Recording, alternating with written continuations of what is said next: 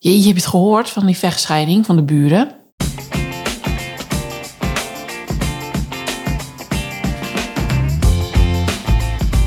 Hey, fijn dat je luistert naar de Scheidpodcast. Ik ben Carly Timmerman van Bureau Carbon, host voor gezinsvriendelijk scheiden. En ik ben Anneke de Groot, bedenker van gezinsvriendelijk scheiden en de grote vriendelijke bemoeial voor alle gezinnen. We nemen je mee in de wereld van fabels, feiten, statements en informatie als het gaat over scheidingen of uit elkaar gaan. Welkom.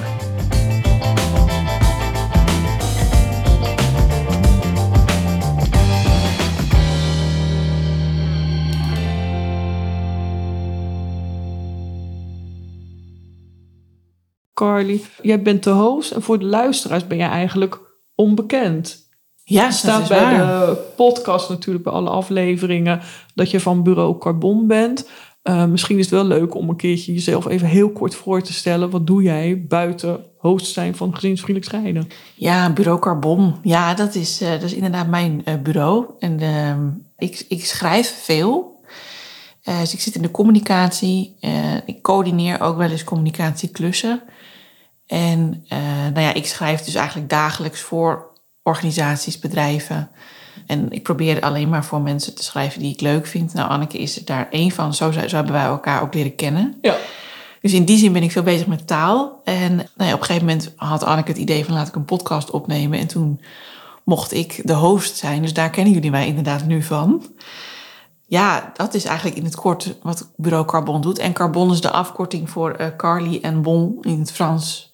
Dus nou ja, dat wil gewoon zeggen dat ik heel goed ben. Nou, daar komt het min of meer op neer.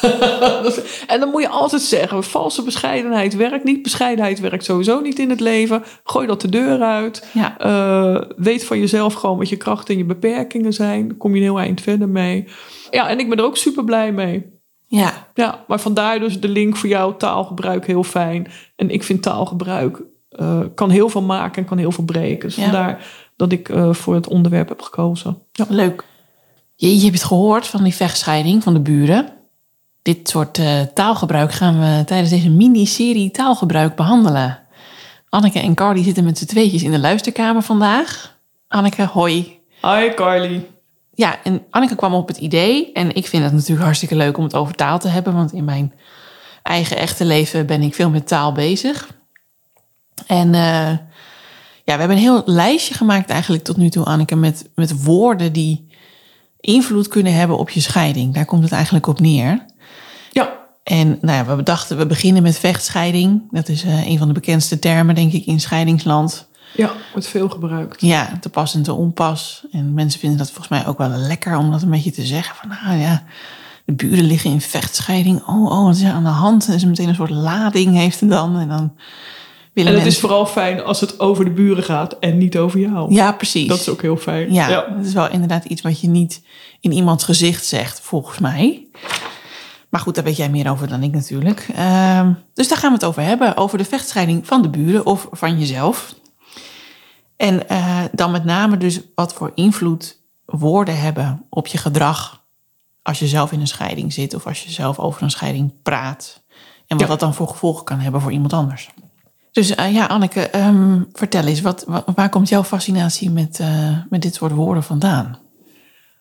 Voornamelijk omdat ik heb gemerkt dat de laatste, in mijn beleving dan, hè, ik heb het hier nu echt even van hoe ik het beleef, uh, de laatste twintig jaar we overal maar labeltjes opplakken. En ik vraag me af, wat is dan de toegevoegde waarde als jij dat labeltje hebt gekregen? Tuurlijk kan het heel fijn zijn en kan het verklarend zijn voor gedragspatronen die je hebt uh, of die je hebt ontwikkeld in de loop der tijd.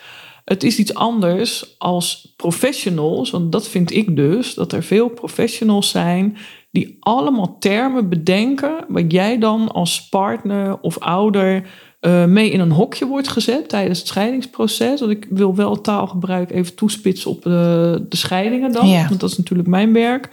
Ja, ik denk als mensen al wel eens binnenkomen, dan is het van, ja, nou, ik heb met de buurvrouw gepraat en die zei ook van, ja, hoe hij nu doet, ja, jullie zitten echt in een vechtscheiding. Part, daar is die. Uh, veel professionals gebruiken het woord ook. En wat gebeurt er vervolgens? Die mensen zitten hier dan ook direct in de vechtstand als ze binnenkomen. Want ze zitten immers in die vechtscheiding, want dat is bevestigd. Ja. Ga je ook naar gedragen.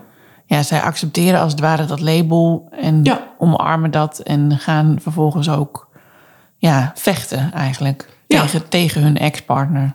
Ja, gaan ook direct in die weerstand. En eh, nou ja, zie je nou wel? En eh, hij is inderdaad die narcist. En hij is inderdaad degene eh, die niet goed voor de kinderen kan zorgen. En hij zal me wel te weinig gaan betalen. En andersom gebeurt dat trouwens ook. Hè? Ook mannen eh, die daarmee komen en zeggen van ja, maar ik weet nu al dat ik de kinderen niet te zien ga krijgen. Want zo is ze altijd al geweest. En zij bepaalt alles. En zij nemen dat ook mee in hun eigen taalgebruik. Want dat is vervolgens ook wat er gebeurt. Hun taalgebruik wordt daarop aangepast. Ja, En dan zou het natuurlijk heel fijn zijn als je zelf terug kan. En stel jezelf ook als eerste de vraag: is dat wel waar? A, dat is vraag 1. En B, wil ik dit? Ja wil ik in een vechtscheiding zitten? Wil je in die vechtscheiding zitten? Ja. Want voor vechten heb je twee mensen nodig. Dat kan je niet alleen. En in dit geval kan je de keuze maken. A. Ik vind het heel erg wat er gebeurt. Ik ben super verdrietig. Ik zit in dat rouwproces en ik ben in paniek en ik weet het allemaal even niet. En ik wil niet met jou in een vechtscheiding zitten. Wij zitten in een scheiding. En ja, tijdelijk is dat echt ontzettend vervelend. En dan druk ik me echt nog zo zachtjes uit. Ja, Eh, het is echt zwaar voor mensen. En ik ga niet in die vechtscheiding zitten met jou. ja, want eigenlijk heb je natuurlijk voor een scheiding ook twee mensen nodig. Ik bedoel, daar hoef je niet per se voor in een vechtscheiding te zitten. Klopt. Dus jij zegt eigenlijk, als je dan ook nog in een vechtscheiding zit, dan moet je dus en vechten en scheiden. Moet je eigenlijk twee dingen tegelijk doen. Terwijl je beter misschien kan focussen op alleen het scheiden en dat dan, ja, alsof het niks is, maar en dat dan zo goed mogelijk, eh, in zo'n goede mogelijke harmonie misschien proberen op te lossen voor zover Ja. dat mogelijk is. Ja, en daar is soms gewoon tijd voor nodig. Er zijn mensen die kunnen dat in twee of drie maanden. Andere mensen die hebben daar wel eens een jaar voor nodig. Gun jezelf ook die tijd. Want Ja. dat is het natuurlijk wel. Hè? Wat gun je jezelf? Dus op het moment dat jij ook mee gaat bewegen. eh, ik hoor ook, laat ik het anders zeggen, vaak ook wel van professionals. Ja, maar zo is jullie je gedragen. Nou, dat is echt een vechtscheiding. Eh, we hebben ook nog twee andere woorden die heel veel voorkomen erin. En dat is de complexe scheiding of de hoogconflictscheiding. Ik heb in al die jaren dat ik het werk doe, echt geen cliënten binnengekregen die dit soort termen hebben verzonnen. Daar Ja. moeten we ook echt gewoon duidelijk over zijn. Die terminologie komt bij de professional vandaan. Ja, ik wilde dat net zeggen, want vechtscheiding, dat ken ik nog wel. Maar hoogconflictscheiding, dat zou ik nou niet eh, zeg maar op straat even roeptoeteren over iemands scheiding. Ik kom het wel veel tegen, met name bij professionals eh, op de social media. Ehm, en dan zeg ik ook van, als wij nu eens ons taalgebruik wel aanpassen. Hè, want ik heb me er ook echt schuldig aan gemaakt. Ik heb ook terminologie overgemaakt. Dat ik dacht, ja, dat is zo. Ja, ja, inderdaad. En later dacht ik, oké, Ann, terug. Ga op die stoel van die cliënt zitten. Is het waar? Is het terecht om dit taalgebruik te hanteren tegenover al die partners en ouders die hier vol van verdriet binnenkomen? Zou ik het willen horen? Nee, tuurlijk wil ik dat niet horen. Nee. Dat vind ik helemaal niet fijn. Dat is helemaal niet het uitgangspunt. Ik ben boos. Dat vind ik iets anders. Ik ben boos omdat mijn leven eh, valt in duigen. Wat Ja. ik dacht dat het zou gaan worden, valt weg. Ja, want dat is het eigenlijk. Volgens mij, we hebben het natuurlijk al eerder gehad over die verwachtingen ook. Ja, En die verwachtingen komen op het moment dat je gaat scheiden niet uit. Want nee, ik denk niet dat iemand een relatie start met de verwachting... nou, we gaan ook weer eens een keer uit elkaar. ja, En op het moment dat je dus dan te horen krijgt van... oh ja, jullie zitten in een vechtscheiding... dan heb je dus eigenlijk een oordeel...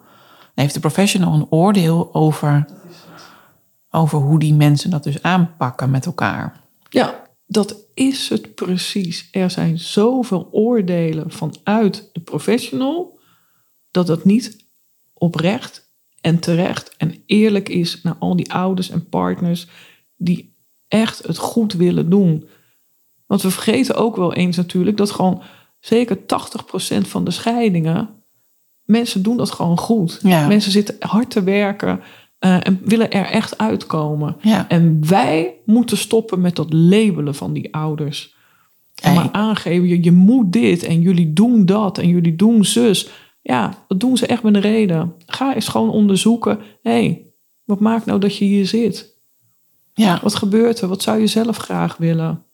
Wij kunnen het niet oplossen. Zij moeten het met elkaar oplossen. Ja. Maar we moeten wel de vragen aan ze stellen. Maar uit dat oordeel blijven. Ja. Ja, en met wij bedoel jij dus steeds de professionals Ja. in scheidingsland. Ja, absoluut. Ja. Ja. Want kom je het veel tegen dan dus? En Je zei net al even op social media lees je dus wel eens termen als hoog conflict of complexe scheiding. Maar Alleen maar. ja, ja. En het is ook echt, eh, het lijkt soms wel een wedstrijdje geworden. Eh, van nou, hoe meer we dat maar eh, aankaarten en gebruiken. Ja, ik, ik moet het anders zeggen. Ik, ik had pas een ja, discussie ook eh, op LinkedIn. Want nou ja, iedereen weet wat ik me overal tegenaan bemoei. En dat ging er ook over. Iemand wilde oplossingen voor die hoge conflictscheiding. En toen dacht ik, ja, maar wat is dat dan, zo'n hoge conflictscheiding? Ik, ik wilde niet eens over nadenken eigenlijk. Maar ik dacht wel van, ik kom het zoveel tegen de laatste jaren. Dus dat heb ik ook gevraagd. Nou, dat zijn dan mensen die al heel lang aan het vechten zijn. Hè? Dat was dan gelijk het antwoord. En ook mensen waarbij eh open oma bemoeien zich ermee. Ik denk, nou ja, terecht, ben je ook open oma voor. Word alsjeblieft die vriendelijke bemoei al voor je kleinkinderen. En cultuur speelde daarin een grote rol. En zij zeiden ook, ja, mensen komen hier pas bij ons... terwijl ze dan al zeven of acht jaar in die problematiek zitten. En toen dacht ik, oké, en dan krijgen ze vervolgens het label bij jullie... ja, jullie zitten in die hoog conflictscheiding. Nou, ga dat dan maar uitleggen aan mensen, dacht ik. En toen dacht ik ook, en is dat dan de erkenning die je geeft vervolgens? Ja, want wat zegt dat dan? Wat gebeurt er dan? Precies, dat is het. Is er dan een soort stappenplan van, oh, jullie vallen in dit vakje, in de, nou ja, in de machine van, van scheidingen vallen jullie in dit categorietje. Dus dan gaan we stap 1, 2, 3 tot en met 16 op jullie loslaten en dan lukt het wel of zo? Want Ja. dat is volgens mij niet wat er aan de hand is. Nee, werkte het maar zo makkelijk. En dat is dus exact wat er niet gebeurt. Als jij tegen mensen gaat zeggen van... ja, ja, jullie zitten in een hoog conflictscheiding... en eh, jullie moeten veel gaan doen... en alleen maar dat woordje moeten al... Ja, Eh, zo'n ouder gaat nog verder naar achteren. Zo'n ouder of partner die stapt binnen. En in dit geval zijn het wel vaak ouders. Hè? Eh, omdat er kinderen bij betrokken zijn, komen ze bij verschillende instanties terecht. En dan kan jij niet meer achteroverleunen. Jij wil ook je verhaal niet meer doen. Want je komt niet verder.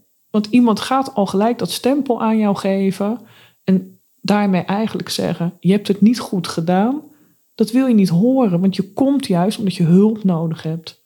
ja en je moet blijkbaar ook meteen iets. Ja, klopt. Ja, dat lijkt mij ook best lastig als je zelf eh, nogal hoog in de emotie zit, dat je dan meteen van alles weer moet. Die mensen zijn echt kapot. Je moet je voorstellen dat die al zes, zeven jaar bezig zijn. Hulpverlener 101 komt binnenstappen. En jij moet ineens van alles. En het ene oordeel naar het andere krijg je over je heen. Het moet in het belang van de kinderen. Je moet de kinderen op één zetten. Dat is ook zo'n standaard uitdrukking. Eh, van de week kwam die ook weer voorbij op LinkedIn. eh, ook van een mediator. Je moet de kinderen op één zetten. Dat ik dacht, denk je nou echt dat die ouders daarop zitten te wachten dat jij dat gaat zeggen? Wie Ja. ben ik om te zeggen dat ouders dat niet doen? Ja, Ouders zullen eerst uit die kluwen van emoties, die er zijn natuurlijk, eh, daar zullen ze eerst uit moeten komen. En er zijn geen ouders, ik kom ze zelden tegen, eh, die hier binnenkomen en zeggen, nou, dat leven van onze kinderen gaan wij volledig verwoesten. nee, dat lijkt mij ook niet, nee. Nee, dat is er gewoon niet klaar. En ouders kunnen in al deze emoties die kinderen echt even niet op één zetten. En dat is ook raar, want vervolgens hoor ik alle professionals zeggen: je moet eerst voor jezelf zorgen. Als je niet voor jezelf kan zorgen, kan je niet voor een ander zorgen. Dus als de professional dat aan de ene kant zegt en aan de andere kant tegen jou: je moet de kinderen op één zetten, dat klopt dan niet. Nee, dat is nogal met elkaar in conflict. Er is nogal een vechtscheiding tussen twee Juist. uitspraken. Ja. Ja, ja dus dat kan niet. Nee. nee, precies. Dus eigenlijk zeggen professionals vaak in woorden of in ja, zeg maar woorden als vechtscheiding. Dus geven ze een oordeel of ze zeggen van je moet dit. En jij wil daarvan af. Jij vindt Ja. sowieso van nou laten we daar alsjeblieft met z'n allen mee stoppen. Ja, nou in ieder geval laten we kijken of dat je je er bewust van kan worden. Ja, ik denk dat dat stap toe 1 doet. is. Want ik denk Ja. als je bewust bent, dan ja, als je beter weet, kan je pas beter doen. Dus mijn vraag is wel, aan de ene kant aan de professionals, word je bewust van het taalgebruik? En ga ook eens op de stoel van die cliënt zitten. Is dit hoe jij benaderd wil worden? En aan de andere kant, ook aan alle ouders en partners. Stel dat mensen dat tegen je zeggen, vraag voor jezelf af: wacht even, is dit wat ik wil? Is het waar wat jij tegen mij zegt? Ja, Is dit een vechtscheiding? Omdat we nu gewoon. e- We hebben allemaal wel eens ruzie. En ouders zitten wel eens, ook hier in deze luisterkamer, te schreeuwen en te huilen. Jongens, kom op, dat is normaal. Dat is menselijk gedrag, hoort erbij. ja. Laat ze even alsjeblieft. Ja, dat mag er ook zijn. Tuurlijk mag dat er zijn. Het is wat, er mag geen onacceptabel gedrag bij komen. Dat is echt iets anders. Niet elk gedrag is wenselijk. De emoties wel, niet elk gedrag. Eh, ik heb hier echt nog nooit ouders gehad die elkaar hebben geslagen of wat dan ook. Nee. Maar er zit zoveel frustratie en pijn. En dat moet er gewoon even uit. Nou, dan heb ik toch liever dat ze dat hier doen dan thuis waar de kinderen bij zijn. Ja. Geef ze even ruimte. ja, en dat wil dus ook niet zeggen, als dat gebeurt, dat je in een vechtscheiding zit. Nee, tuurlijk niet. Terwijl dat waarschijnlijk wel de conclusie is die mensen van buitenaf, de buurvrouw bijvoorbeeld of de buurman, zullen trekken op het moment dat ze, weet ik veel, eh, twee huizen verderop eh, de mensen in de tuin tegen elkaar horen schreeuwen en denken, Ja. oh ja, zie je, ze zitten echt in die vechtscheiding. Ja, Terwijl je kan natuurlijk helemaal niet zien wat er verder nog gebeurt in dat gezin of in zo'n gesprek. Dat ontploft Nee. dan even en dat hoor je dan toevallig. ja. Ja, dus je zou als, als professional zou je willen vragen van, goh, eh, nou ja, leg je eigen taalgebruik eens onder de loep en ja. Misschien kun je ook zelfs als professional wel eens vragen van... Goh, hoe, hoe klinkt dit voor jou? Hoe voel je je erbij als ik dit zo benoem of zo? Dat je dat dan rechtstreeks aan de cliënten checkt. Dat zou natuurlijk helemaal mooi zijn. Je moet altijd checken. Ja, maar goed, ik kan me voorstellen dat dat niet in de praktijk niet altijd allemaal gebeurt. En als cliënt of als partner of als ouder zou je dus ook bij jezelf te raden kunnen gaan van... nou, ik hoor dit allemaal, ik hoor deze labels, ik hoor deze termen. Waar vind ik zelf eigenlijk dat ik in zit? Of hoe voel ik mezelf nu? Ja, wat vind ik hiervan? Ja, ja, Ja. Dus altijd checken. Als mensen iets tegen je zeggen, checken of dat voor jou ook echt zo geldt en of dat ook zo is en of het ook zo voelt voor jou. En wees je vooral bewust, je hebt de keuze op een andere manier met een situatie om te gaan. Welke situatie ook het is. De enige die een keuze kan maken, dat ben jij. ja. Ja, en taalgebruik speelt er natuurlijk, ja, dat vind ik tenminste wel, een cruciale rol in. Want op het moment dat je een bepaalde term kiest of een bepaald woord kiest, Ja, kun je je inderdaad ook meer gaan gedragen naar die term of naar die rol die je jezelf dan aanmeet door die woorden te kiezen. En ja, ik vind dat bar interessant, want dat betekent dus ook dat je eigenlijk op het moment dat je heel lang hebt gedacht dat je in een vechtscheiding zit en besluit voor jezelf, ik zit daar eigenlijk helemaal niet in, ja, ineens misschien een heel andere kant van jezelf ja, in het licht zet. Ja, en dat merk ik ook wel eens. En ik zie het ook wel eens echt gebeuren bij cliënten. Als ik dan zeg, oké, maar stel dat die vechtscheidingen helemaal niet bestaan. Ja, stel dat ik nu tegen jullie zeg, jullie zitten in een scheiding. En jullie zitten niet in een vechtscheiding. Jullie zitten wel in een hele vervelende situatie. Een hele pijnlijke situatie. En een verdrietige situatie. En dat geeft veel verlies. En het is geen vechtscheiding. ja, En dan zie ik ze gelijk zachter worden. Je ziet het gewoon gebeuren. En dan zie ik ook dat ze bij zichzelf aan het afvragen zijn. Maar hoe zijn we er nou eigenlijk toegekomen om het een vechtscheiding te noemen? Waar Ja, komt dat ja. nou vandaan? ja, En dat komt niet vaak bij de mensen zelf vandaan, dat kan ik je wel vertellen. nee, dus die omgeving die speelt ook wel een grote rol. eh. Heeft een hele grote invloed. Ja. Ja, nou jongens. Ja. Maar denk jij even, nog even kort om af te sluiten. Denk jij dat vechtscheidingen bestaan? Nee. Gewoon nooit. Nee. Dus eigenlijk zouden we gewoon die hele term overboord moeten uh, kieperen. Ja, dat vind ik wel. En ik eh, zie wel dat sommige eh, beroepsorganisaties eh, en andere ook deskundigen daar ook al van afstappen. Dat vind ik een hele fijne en mooie ontwikkeling. Ja, En ook echt denken van, jongens, wat bereiken wij nu om het een vechtscheiding te blijven noemen? Wat wordt er dan beter? ja, Dat zeg ik altijd. Je vraagt jezelf altijd af, wat wordt er beter? Nou, dit woord voegt werkelijk niets toe. Het wordt er niet beter van. Tijdelijk zijn er spanningen. Tuurlijk, dat is logisch. Het is gewoon een enorm live event wat plaatsvindt. Dus tuurlijk is dat van invloed. Ja. En dat is iets anders dan een vechtscheiding. ja, want je graaft jezelf eigenlijk alleen maar verder in die, in die, Ja. in die oorlogstand, inderdaad. In Ja. die conflictmodus. Terwijl, daar wil je juist uit, lijkt mij, als je... Ja, dat is ook wel scheiding mooi. Hè? zit. Kunnen we het ook wel eens over hebben. Conflict eh, werk ik ook niet mee. Vind ik een heel naar woord. Ja. Alleen al het feit dat wij conflicthantering hebben in Nederland. Denk ik, oh, hanteer je dan het conflict? Oh ja. Een heel vreemd woord. Ja. Eh, ja, als ik eventjes naar ons rijtje taalgebruik eh, kijk voor de rest van de miniserie. Want ja, vooral Anneke, jij komt heel veel termen tegen in, nou ja, op social media en in scheidingsprofessional land. Ja.